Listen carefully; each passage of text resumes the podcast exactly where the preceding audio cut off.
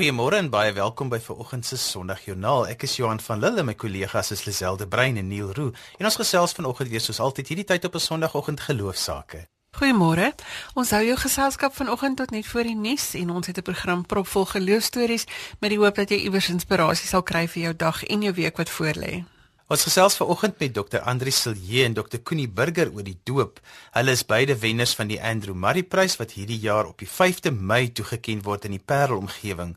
John de Kok vertel van die werk van Sending sonder grense en professor Hendrik van der Wateren vertel van 'n reisende Bybeluitstalling wat hulle daar vanuit Nylstroom doen om saam te val met die 500 jaar reformatie wat hierdie jaar ook gevier word. Ons het ook vir Quentin Adams later by ons in die ateljee en hy gesels met ons oor hoe om lig te wees in 'n tyd van armoede. Jy hoef natuurlik niks mis te loop nie want jy kan ook Sondagjoernale se potgooi gaan luister op RSG se webwerf by rsg.co.za en jy kan ook al die programinligting daar kry sowel as ook op ons sosiale media bladsy. Onthou jy kan ook vir ons SMS by 45770 as jy wil graag saamgesels. En vir die van julle wat gesê die foto was nie gelaai verlede Sondag van die kunswerk nie, dit is nou gelaai, so as jy wil gaan kyk na die hand met die hart in van Dominique Grobler, dit is wel gelaai.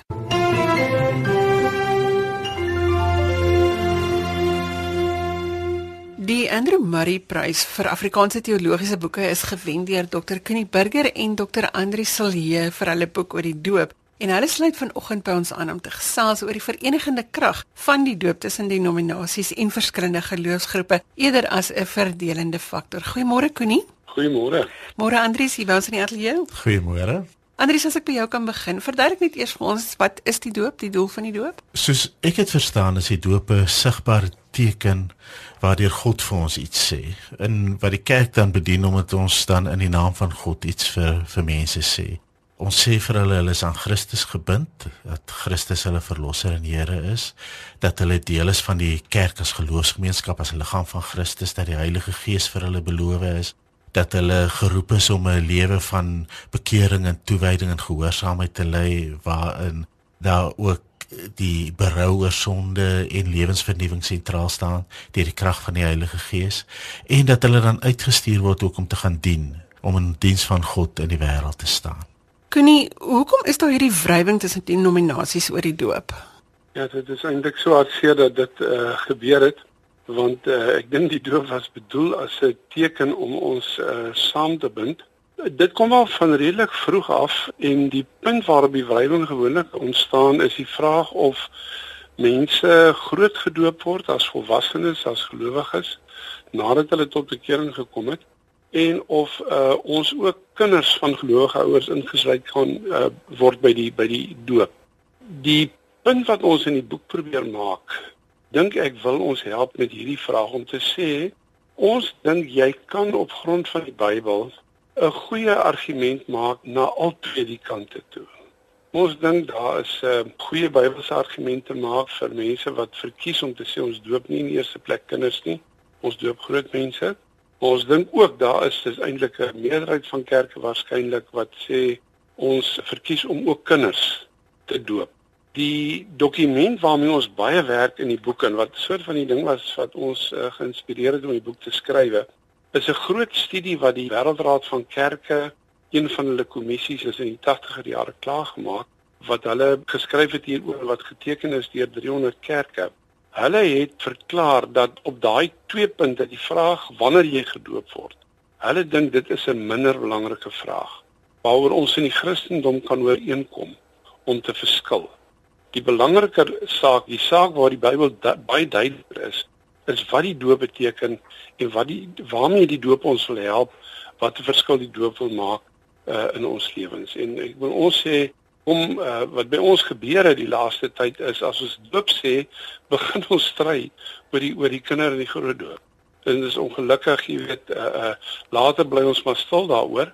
Ons dink ons moet die gesprek skuwe en eerder begin praat oor die vyf goed waaroor die kerke saamstem waar die Bybel duidelik is uh, wat in die doop met jou gebeur. Ons dink as ons die gesprek sin toe kan skuif, gaan dit vir ons help om om met van die verskilpunte wat ons op plekke mag hê beter saam te leef. So Andries, wat is daai vyf goed? Waar begin ons om te kyk dat dit dat, dat ons inner by mekaar bring as wat dit ons uit mekaar uitdry? Lisel, miskien kan ek dit so doen om te sê sê nou maar ek gesels met iemand wat anders gedoop is as ek. Ek is as 'n uh, baba gedoop in Merwewil se kerk. Uh vir bronsdoop, uh maar baie mense in my familie is as volwassenes gedoop. Sien nou ons praat met mekaar. Dan kan ons nou die hele argument kan ons 'n verskilpunt maak oor wanneer ons gedoop is, oor wie reg gedoop is, hoe moet hoeveel water jy gedoop is en so aan. Of ons kan vir mekaar sê goed, kom ons kyk na die basiese betekenis en dit sluit baie aan by wat ek in die begin gesê het. Die uh, dokument waarna Koenie verwys wat ook die hart van ons boek is, het vyf basiese goed waaroor die doop gaan. Die eerste is dat ons saam met Christus gesterf en begrawe is. Met ander woorde dat dit nie oor my gaan nie. Ek kan met ander woorde met iemand praat en sê maar wie dit gaan nou nie vir my in die eerste plek oor die vraag of ek reg is nie. Maar dit gaan vir my daaroor dat ons eintlik op 'n punt moet kom dat ons sê maar dit gaan nie oor my nie, dit gaan oor die Here in wie se naam ons gedoop is. Dit gaan oor ons gemeenskaplike verbondenheid aan hom. Ons kan in die tweede plek kan ons vir mekaar sê maar ons is albei sondaars. Ons uh, want dis die tweede punt 'n lewe van heiligmaking en bekering. Ons is albei sondaars. Nie een van ons het onsself gered nie. Nie een van ons kan onsself verander nie. Nie een van ons het die vermoë of die reg om te roem oor iets in onsself as ons beter is as onsself nie. Want baie keer dink ek in ons argumente kom ons tog maar op die punt van ek wil reg wees en ek wil roem. En ek dink as jy die doop reg verstaan van die doop jou eintlik albei verby wat jy besef maar almal van ons moes maar maar skoon gewas word. Almal van ons moet maar keer op keer deur die pad van bekering, heiligmaking, lewensvernuwing gaan. Volhard dit ons moet mekaar daarop help eerder as om mekaar te, te probeer beoordeel of veroordeel. Die derde punt uh, is om te sê maar die Gees werk ook op verskillende maniere, maar die Gees is vir ons almal beloof. En dis net in die krag van die Gees wat ons kan lewe en ons gryp daai belofte wat ons ontvang in die doop dat God sy Gees vir ons beloof, gryp ons vas en vra Here gee vir ons dan die lewe en ook die eenheid deur die krag van die Gees. En dat ons mekaar dan ook vind en bly soek ek meen om mekaar te vind en uh, vra moeite, vra inspanning dat ons mekaar bly soek. En dan sou ek sê dat ons baie sterk moet staan op die feit dat daar net een liggaam van Christus is. Efesiërs wat sê bewaar hierdie eenheid wat die Gees tussen julle gesmee het deur in vrede met mekaar te lewe en dat ons daai vrede moet soek deur in liefde by die waarheid te bly, die waarheid van Christus. En deur nie toe te laat dat verskille wat gaan oor die wanneer en die hoe ons uitmekaar uitdryf nie. En ek dink in ons tyd 'n geweldig belangrike ding is die hele missionale eh, die gedagte dat ons uitgestuur word om die koninkryk van God in die wêreld te dien. En as mens kyk na die nood daarbey, dan moet jy mens regtig vra. Maar wil God hê ons moet nou hier sit probeer uitvind wie's reg en wie's verkeerd? Daar is plek vir sulke gesprekke ook, maar is dit prioriteit of is die prioriteit eerder ons gemeenskaplike roeping in die wêreld, ons gemeenskaplike roeping om regtig verskil te maak in die wêreld? En ek dink as ons dit ontdek, kan ons sê maar daar's soveel ruimte, daar's soveel goed wat ons saambind dat dit wat ons saambind is baie meer as dit wat ons skei. Kan jy dit klink vir my alles baie logies. Ek verstaan wat Andri sê. Ek hoor wat hy sê. Gaan ons ooit die emosie uit geloof kan uithaal dat ons verstaan dat dit gaan oor die Here en nie oor ons nie. Ek het regtig hoop daarvoor. As ons die gesprek 'n bietjie kan swai, kan ek bysê die vyf goed wat Andrius nou genoem het, dit gaan ons al 'n ver pad bring. Die belangrike daarvan is waar in die Nuwe Testament oor die doop gepraat word. Wat vir almal wat deelneem aan die gesprek is is dit belangrik om te vra wat sê die Bybel hieroor. As jy gaan kyk na daai tekste dan is dit telkens die vyf temas wat Andrius genoem het nou. Wat op die tafel ons om te sê die doop wil jou daarmee help, die doop wil jou daaraan herinner. As ek kan byvoeg nog om te sê as ek dink my eie lewe watter verskil die doop maak, hoe die uh, ons glo Die doop is 'n genade sakrament wat die Here aan sy kerk gegee het wat ons wil help. En dit dink ek werk ook dieselfde by al drie die groepe. As ek vinnig kan sê vir myself is dit drie goed. Die eerste die, die doop wil ons help met sekerheid oor ons geloof. Uh, ons weet hoe vertwyfelinge goed ons kan gaan. Die die doop is bedoel om ons seker te maak wat ons ook sekerheid is die ding weer wat jou help met dapperheid en durf in jou geloof. Ons is absoluut in 'n tyd nou waar in Suid-Afrika Christene nodig het wat sekerheid het oor hulle geloof en wat bereid is om in die naam van die Here uit te kom en duidelik te praat uh, oor hulle geloof en ek dink die doop kan ons daarmee help. Die tweede ding, uh, dit sal baie mense sê, is die doop gee identiteit. Dit dit dit sal altyd die groepe dink ek baie sterk wil sê. Dis vreeslik belangrik dat ons weet wie ons is in hierdie tyd en daarvan uit lewe.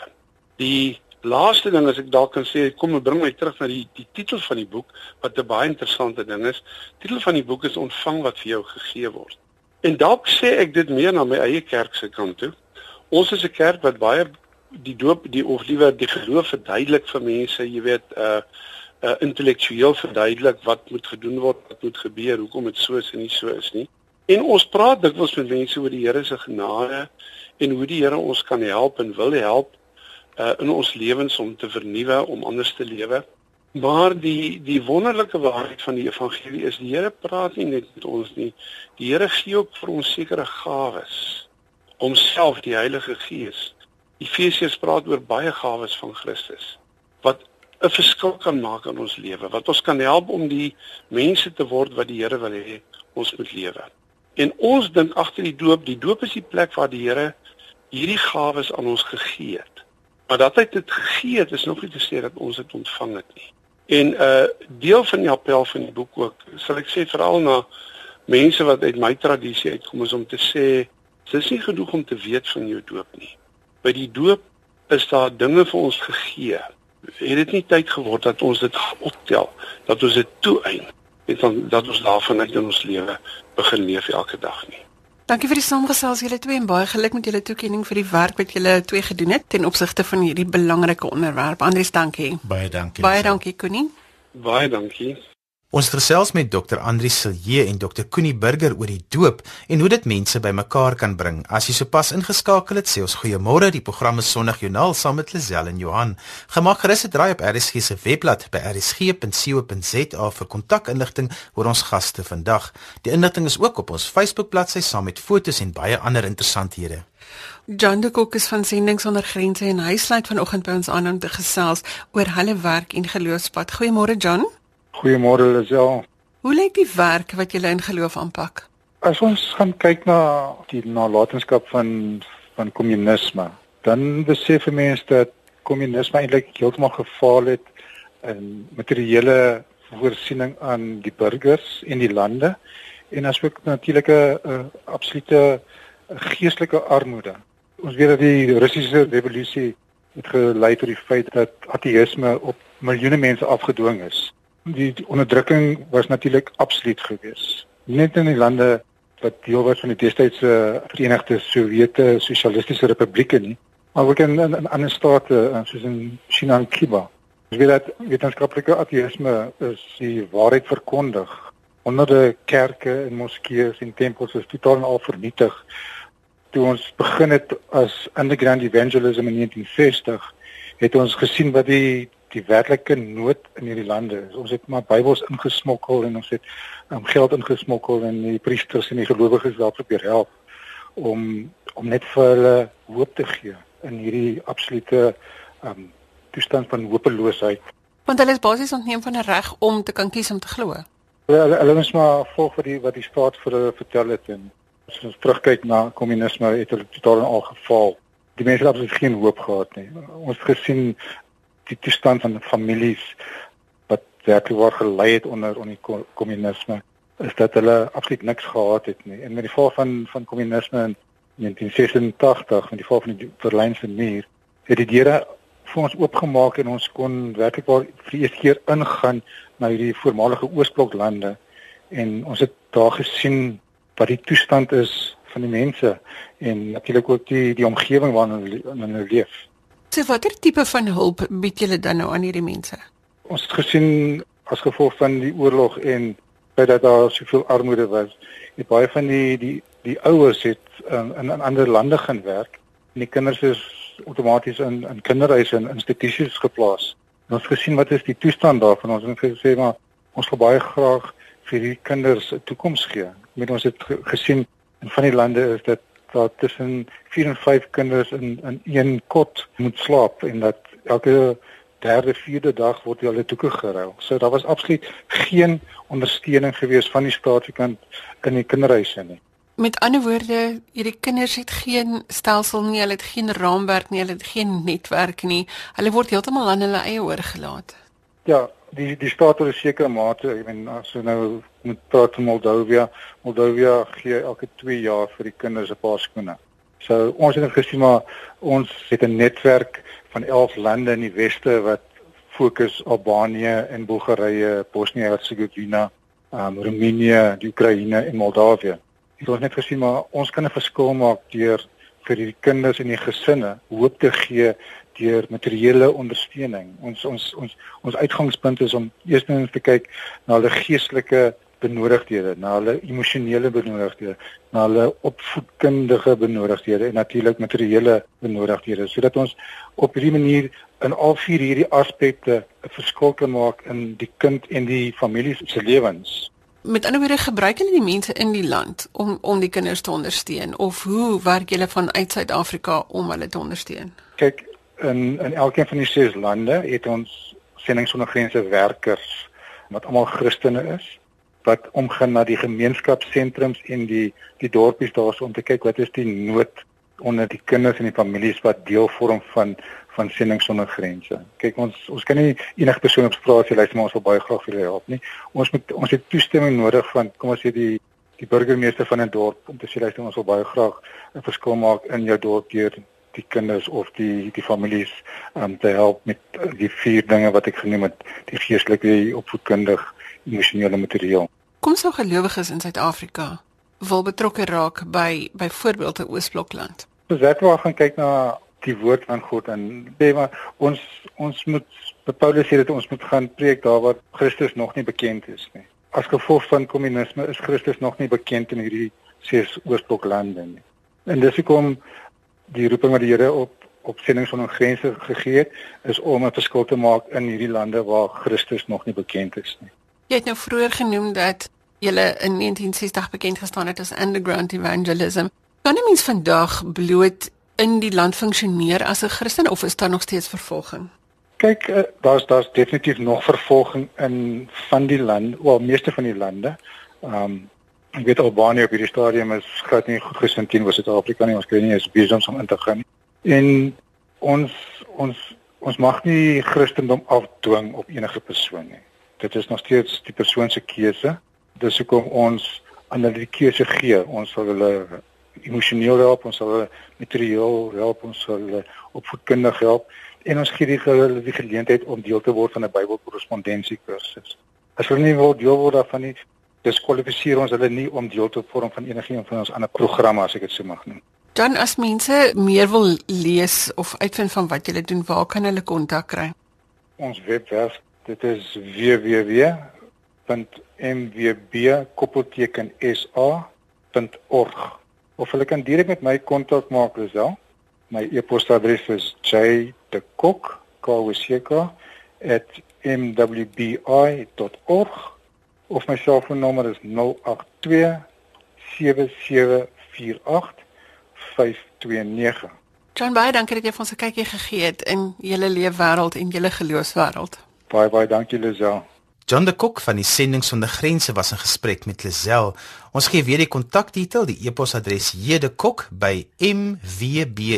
jedekok@mwbi.org en die webwerf is www.mwp.sa.org. Ons gesels geloofsaake tot net so kort voor die 8 uur nuus wanneer ons oorgie aan Jermaine Hansen vir die Bybelstorie. Maar eers gesels ons met professor Hendrik van der Wateren. Professor Hendrik van der Wateren was verbonde aan die Potchefstroom Universiteit as professor in volkekunde en hy sluit vanoggend by ons aan om te gesels oor 'n reisende snit van die Bybelse geskiedenis wat as deel van die reformatie jaar gedoen word. Goeiemôre professor. Môre Lisel. Professor, geskiedenis is jou passie. Hierdie reisende uitstalling, wat bied dit aan? Ek gaan eers so sê 'n museum is soos 'n boek met 'n tema. Die museum in Nylstroom het oorhoofs twee temas naamlik die geskiedenis van die Bybel oor die eeue heen. Dis die een tema en dan die ander is die geskiedenis van die plaaslike kerk. Nou hierdie reisende uitstalling bevat net 'n snit in die geskiedenis van die Bybel, naamlik die woord in die reformatie en op watter wyse dit ons bereik het. Dit is ons museum se bydrae tot die 500-jarige herdenking van die reformatie. So wat is die strekking van die uitstalling? Eintlik is dit 'n aangrypende verhaal van die Here se voorsienigheid, en spesifiek hoe hy sy woord bewaar. Die snit begin by die eerste Bybel in druk, naamlik Gutenberg se Bybel wat in Latyn verskyn het op die datum 1456. Dit was nog voor die reformatie, maar dit is 'n baie belangrike aanloop tot die reformatie want die Bybel kon toe sonder oorskryffoute vermenigvuldig word. Maar dit skep op nuut dan die bewuswording van die kanon van die woord. Nou die kanon van die woord, as ek dit eenvoudig kan sê, die gesaghebende waarheid van die woord is egter nie daarmee gewaarborg nie met die herdruk van die Bybel. Luther in die reformatie besef dit en hy besef ook die noodsaak om die Bybel in die volkstaal te vertaal. Naas die eis van die waarheid van die woord staan hy voor die probleem van 'n standaard geskrewe Duitse taal wat nie bestaan het in sy tyd nie. En daaroor skryf hy baie interessant Dit help nie om die letters van die Latynse taal te vra hoe om Duits te praat nie. 'n Mens moet dit by die gewone mense op straat gaan hoor en dan vertaal. Ek het sy aanhalinge 'n bietjie verkort. Maar Luther is op daai stadium voelvry verklaar. Hy durf dus nie op straat verskyn nie. En dan vermom hy hom en onder 'n skuilnaam verskyn hy op straat om te hoor hoe die mense praat. Nou hierdie twee eise die suiwerheid van die woord van God en die verstaanbaarheid in die volkstaal het by al die reformatoriese vertalings matelose probleme geskep. Maar deur God se voorsienigheid kon hulle wel volhard. Luther se Duitse Bybel verskyn in 1534.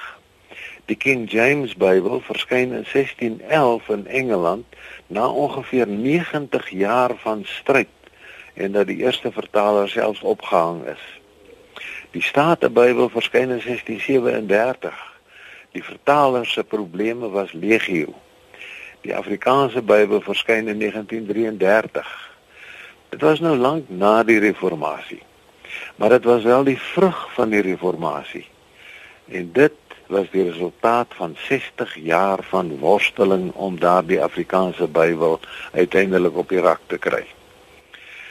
Nou hierdie vyf voorbeelde wat ek nou behandel, verbeeld die wonderverhaal van die woord in die reformatie. Die reformatie wat myns insiens die grootste gebeurtenis in die geskiedenis was na Pinkster.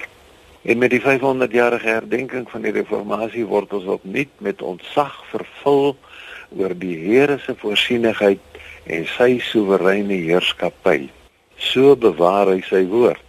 So is ons Bybel gewortel in die reformatie verstaan ons wel ons voorreg. As 'n mens nou wil hierdie uitstalling moet na jou toe kom, hoe gaan 'n mens te werk?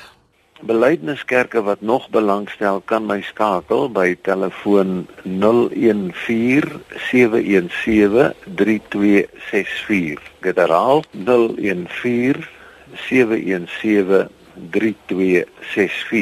Nou die reisprogram het op 6 April in Kaapstad begin. 6 April in 1652 was die datum toe die woord in Suid-Afrika aangekom het. Wonderbaarlik. En na die Kaap-provinsie gaan dit dan na die Vrystaat, dan na Oos-Transvaal, dan Sentraal-Transvaal en teen Oktober sal dit in Pretoria wees en dit eindig op 16 Desember in Krugersdorp. Professor, ons gebruik die Bybel elke dag. So mens kan nie genoeg onderstreep hoe belangrik dit is dat 'n mens regtig moet weet anders as die woord van God waar dit vandaan gekom het. Die geskiedenis is so interessant. Ja, inderdaad so. Dit is wat ek probeer uitdruk in hierdie enkele snit van hierdie reisende uitstalling. Dit bevat twee faksimile herdrukke van die oorspronklike Bybels. Ek hoop die mense weet wat is 'n faksimile herdruk. Dit is maar dieselfde woord as 'n faks. Met ander woorde 'n direkte oordruk van die oorspronklike Bybel. Hulle is wel verklein.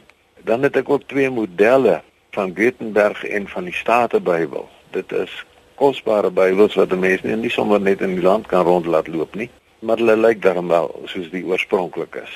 En dan het ek ook 'n eksemplaar van die Afrikaanse familiebybel in Afrikaans. Dit gee so 'n beeld in terme van die woord self, die Bybel self, hoe hulle hoe dit verloop het.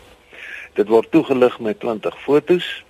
Daar's ook 'n klankbaan van ongeveer 8 minute wat saamloop Verder is daar 'n blaaiboek vir diegene wat iets wat meer wil weet en dan kan die uitstallers wat dit aanbied by elke kerk self afdrukke maak. Daar's 'n CD waarvoor wat wat daar voor voorsiening maak. Hulle kan self afdrukke maak van 'n opsomming wat as 'n voublad versprei kan word onder hulle mense.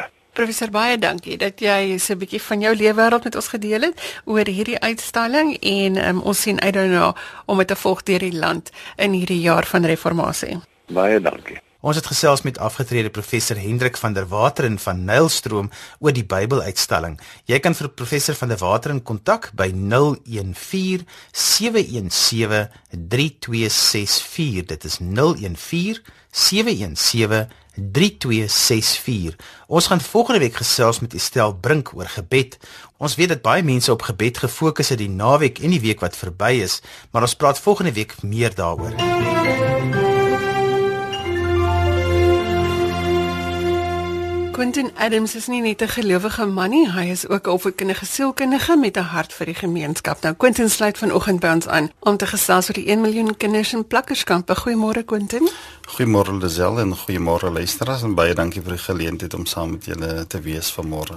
Die vraag is hoekom moet ons as gelowiges praat oor kinders in plakkerskampe? Ek dink dit is belangrik dat die tyd waar waarin ons lewe op hierdie stadium in ons land is ehm um, baas baie krisisse. Sommige mense gebruik terme soos daar's uh duisternis en daar's uh moedeloosheid en uh baie wanhoop en uh pessimisme in ons gemeenskappe. En ek dink wat baie belangrik is as ons na die skrif kyk en na die woord van die Here, dan is dit belangrik om te besef dat die woord sê vir ons dat die duisternis kan nie die lig oorweldig nie. En ek dink wat baie belangrik is is dat ehm um, daar's baie duisternis, daar's baie uitdagings wat ons het, maar ek dink dit is belangrik as gelowiges en as die kerk dat ons die lig moet begin te wees binne ons gemeenskappe. Nou wat vir my interessant is van hierdie uh, teksgedeelte of hierdie skrifgedeelte is wanneer jy 'n lig aanskakel, dan wyk die donkerte.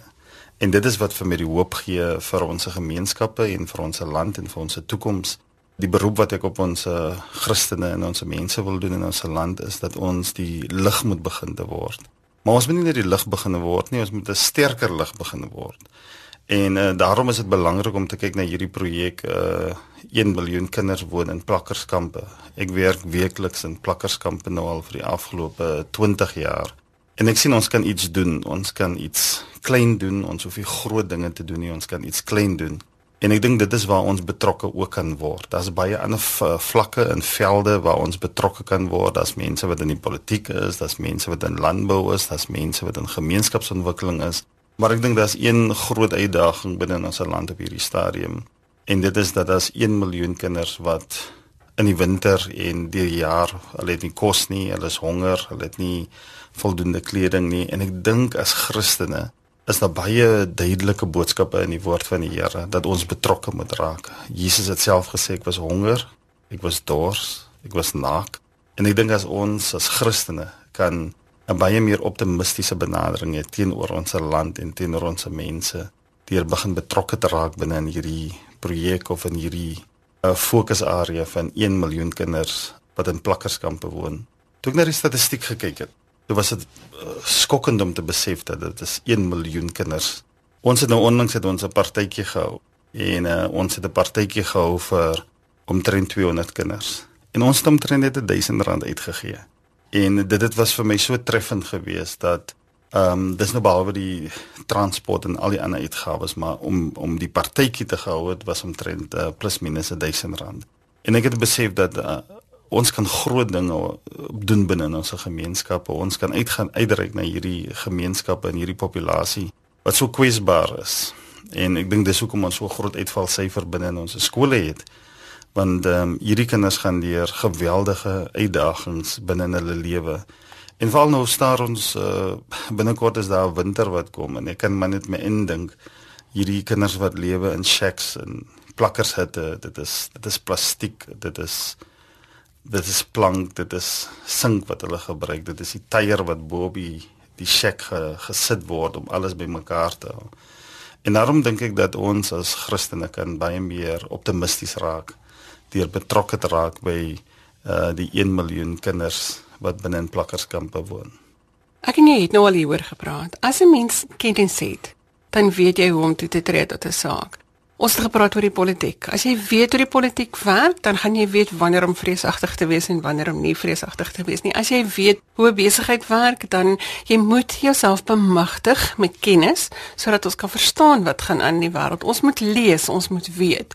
En as gelowiges kan ons ook nou nie net terugsit nie en dan moet ek nou byvoeg want ek weet nou al van die SMS'e gaan kom en sê maar julle fokus nou op swart kinders. Ons fokus nie net op swart kinders, daar's wit kinders in plakkerskampe ook. So kom ons praat oor kinders oor die algemeen. Wat moet ons as gelowiges weet oor hierdie kinders in plakkerkampe en hoe om hulle by te staan? Want ons het nou al gesien dat ons wel 'n verskil kan maak. 'n Mens se besluit kan 'n groot verskil maak want dit kring uit, dit rimpel uit soos daai klippe in die dam. Baie dankie vir die vraag want ek dink dit is een van die vrae wat ek gewoonlik kry, hoekom kinders binne in plakkerskampe?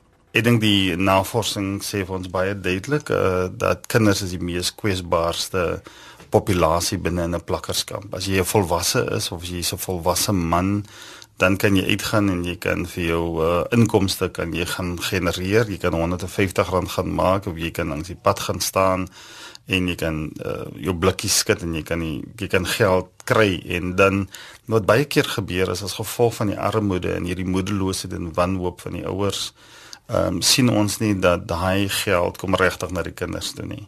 Nou mense sal sê dan moet ons begin met ouerskap, maar die punt wat ek wil sê en beklemtoon is dat hierdie kinders het so groot potensiaal ehm um, waar ons 'n verskil kan maak. Ehm um, ek is besig om nou 'n storie te skryf van hierdie man wat ehm um, 13 jaar in die tronk was, drie moorde, maar sy sy twee kinders in die plakkerskamp is onder die top 5 leerders by die primêre skool. En dit is waar ek hoop sien as ons daai kinders kan ondersteun om seker te maak dat hy primêre skool suksesvol uh voltooi en hy gaan hoërskool toe en hy kan sy graad 12 uh, uh loopbaan klaar maak, dan is daar groter hoop vir daai kinders. So met ander woorde, ons sê dat hierdie kinders 'n ander rolmodel moet kan sien. Ja, hulle moet 'n goeie rolmodel moet hulle sien, maar hulle moet ook goeie ondersteuning hê. Ehm um, ek dink een van die ehm um, beginsels wat ek propageer wanneer ons werk met hierdie kinders om te sê bou 'n verhouding met die kind. Want dit is deur middel van verhouding bou met die kinders wat ehm um, hoop gegenereer word. Um, ons het groot suksese behaal met ehm um, van die kinders wat ons vir 8 tot 10 jaar het ons net verhouding met hulle gebou. Ons het hulle ondersteun, ons het hulle bemoedig ons het hulle die nodige finansiële hulp gegee en hulle het graad 12 het hulle suksesvol uh, voltooi. En ek sal nooit vergeet nie, uh, ons het een aand het ons hierdie matriek uh, partytjie gehad vir hierdie seun wat uh, hy met nou hy gaan nou eksamen skryf en dis 'n matriek partytjie. En um, ek het die foto's geneem en ons was baie opgewonde en ek het daar weggery en ek het gehuil en ek het gehuil omdat ek besef ons kan ons kan dit omkeer maar dit verwag dat ons 'n 8 jaar verhouding bou met hierdie kind. Dit verwag dat ons 'n 6 jaar verhouding met hierdie kind bou. Ons het 'n dogtertjie gehad wat uitstekend was. Haar beste punt was in wiskunde gewees. En sy bly in 'n shack. Ehm um, en ek dink as ons kan uitreik tot tot hierdie mense en tot hierdie kinders. En wat vir my interessant is is wanneer jy gaan na die plakkerskampe toe, dan sien jy hoe speel hulle. Ehm um, 'n seentjie het my nou rede gewys hoe hy eh, 'n uh, perd koud lê. Ehm um, dit was fantasties om te sien hoe hy absolute ehm um, kalmte het en hoe hy die perd kalmeer en hoe die perd rustig word en hoe die perd later op sy knieë sak en hoe hy later rol op die sand en hoe hy hom besig is om af te koel. En hy's besig om 'n lesing te gee en ek besef hierdie wêreld wat hierdie kind in leef as ons vir hom kan ondersteun en ons kan vir hulle ondersteun met spelaktiwiteite en met verhouding bou en natuurlik met die klere en die en die skoene wat hulle nodig het dan kan ons armoede breek oor hierdie kinders se lewe. En ek en ek moet ook vir jou sê, uh, Lisel en luisteraars, is dat dit is moontlik. As as Christene ehm um, het ons eienskappe van Christus. Ons het uh, ons gee nie op op mense nie, ons skryf nie mense af nie, ons tipeer nie mense nie, ons blameer nie mense nie. En as ons die liefde van die Here op 'n praktiese manier kan kan uitlewe binne hierdie kinders se lewe, dan kan ons 'n generasie 'n opstoot gee en ons kan hierdie ehm um, aspek van armoede kan ons breek oor hulle lewens. As ek dit saamvat, is ek reg as ek sê kom ons gee hulle 'n keuse anders as drank en dwelms. Ja, ek dink ons die, die die beste keuse wat ons kan gee of die beste geleentheid wat ons vir hulle kan gee is is 'n verhouding met hulle. Ehm um, ek het nou 'n groep internasionale studente wat ek saamvat in die plakkerskampe en elke keer vra hulle vir my, "Hoe vat ek die brood saam nie?" Hoekom vat ek die koeldrank saam? Hoekom vat ek die geskenkie saam? Nie? Dan sê ek vir hulle nee, maar my verhouding met hierdie kinders is meer belangriker as die stukkie brood. Hulle wil weet ons ken vir Oom Quentin. Hulle wil weet dat ons ken hierdie oom, hulle wil weet dat die oom gaan weer kom. En ek dink wat gebeur is dat dit binne in hierdie verhouding wat ons vir hulle bied, dan dan dan betree ons hulle wêreld. En dan begin ons uitvind dit is hierdie omstandighede wat hulle in lewe en hierdie armoede wat hulle lewe, dit dit definieer nie vir hulle nie. Al wat hulle nodig het is hulle het volwasse mense wat glo in hulle, wat hulle geleentheid vir hulle skep. Ons het nou die dag het 'n 'n nuwe spel geskep. Ons het die hele plakkerskamp wat ons gebruik as 'n as 'n as 'n spel, as 'n teater en ehm um, dit was interessant. Ek was toe 'n uh, 'n bird gewees wat sy wat sy wat sy vere verloor het. En ek moet vir jou sê dit was die eerste keer wat ek wat ons hierdie hele plakkerskamp in 'n teater het ons dit omgeskep. En uh, ek was heeltemal verbaas geweest oor wat ons kan doen. Die oomblik wanneer ons be, besef dat uh dis hierdie eenvoudige goed wat ons kan doen. En en baie belangrik is die die hele konsep van spel. Uh, ons gebruik baie spelaktiwiteite. Ons speel met hulle, ons gaan besoek uh, die plekke waar hulle speel. En ek moet vir jou sê dat uh, al dat ek het nog nooit so baie kreatiwiteit gesien soos ek in hierdie plakkerskamp sien nie. Um 'n ding wat ons kinders nie meer doen nie, hulle speel nie meer met 'n tyer en stokke in water nie. Ehm um, ek het nou die dag het ek vier tyres gesien. Ek het 'n kompetisie gesien. En ek het vir die groep uh, studente gesê, ek dink hierdie kinders ehm um, wys vir ons iets wat ons begin verloor het in die lewe. Die hele konsep van van ongestruktureerde spel. Kinders speel nie meer nie. Hulle wil op die selfoon wees. Hulle luister nie meer na die ouers nie. Maar hier kry jy kinders wat arm is. Hulle het nie die nodige struktuur nie en hulle en hulle leef hulle uit heeltemal in hierdie teater en hierdie spel en dit is absoluut fantasties. Koen baie dankie dat jy vir ons 'n kykie gegee het in jou lewe en ons 'n bietjie geïnspireer het om self 'n verskil te gaan maak in die wêreld waarin ons leef. Baie dankie aan alle sterkte en ek hoop dat meer mense betrokke sal word by kinders in plakkerskampe. Baie dankie. Quentin Adams het gesels oor die nood van kinders in plakkerskampe en hoe gelowiges kan uitreik om 'n verskil te maak. Ons is aan die einde van ons program vanoggend. As jy op pad terug is van Bloemfontein of waar jy ook al die naweek was, ry veilig. Daar's heelwat programme op RSG wat jou sal geselskap hou. En ek groet tot later vandag wanneer ons onderwys sake gesels met Dr. Yuri Joubert oor die gebruik van tegnologie in die vak geskiedenis. Net hierna Jermaine M Hansen met die Bybelstorie en dan die agternuus van my Johan van Lille. Totsiens. Jy kan vir my e-pos met kommentaar of as jy 'n geloostorie met ons wil deel by lazel@wwmedia.co.za of jy kan vir 'n boodskap stuur by die webwerf by rsg.co.za. Tot volgende week groet ek namens produksieregisseur Neo Roo. Ryk uit, maak iemand se dag makliker. Totsiens.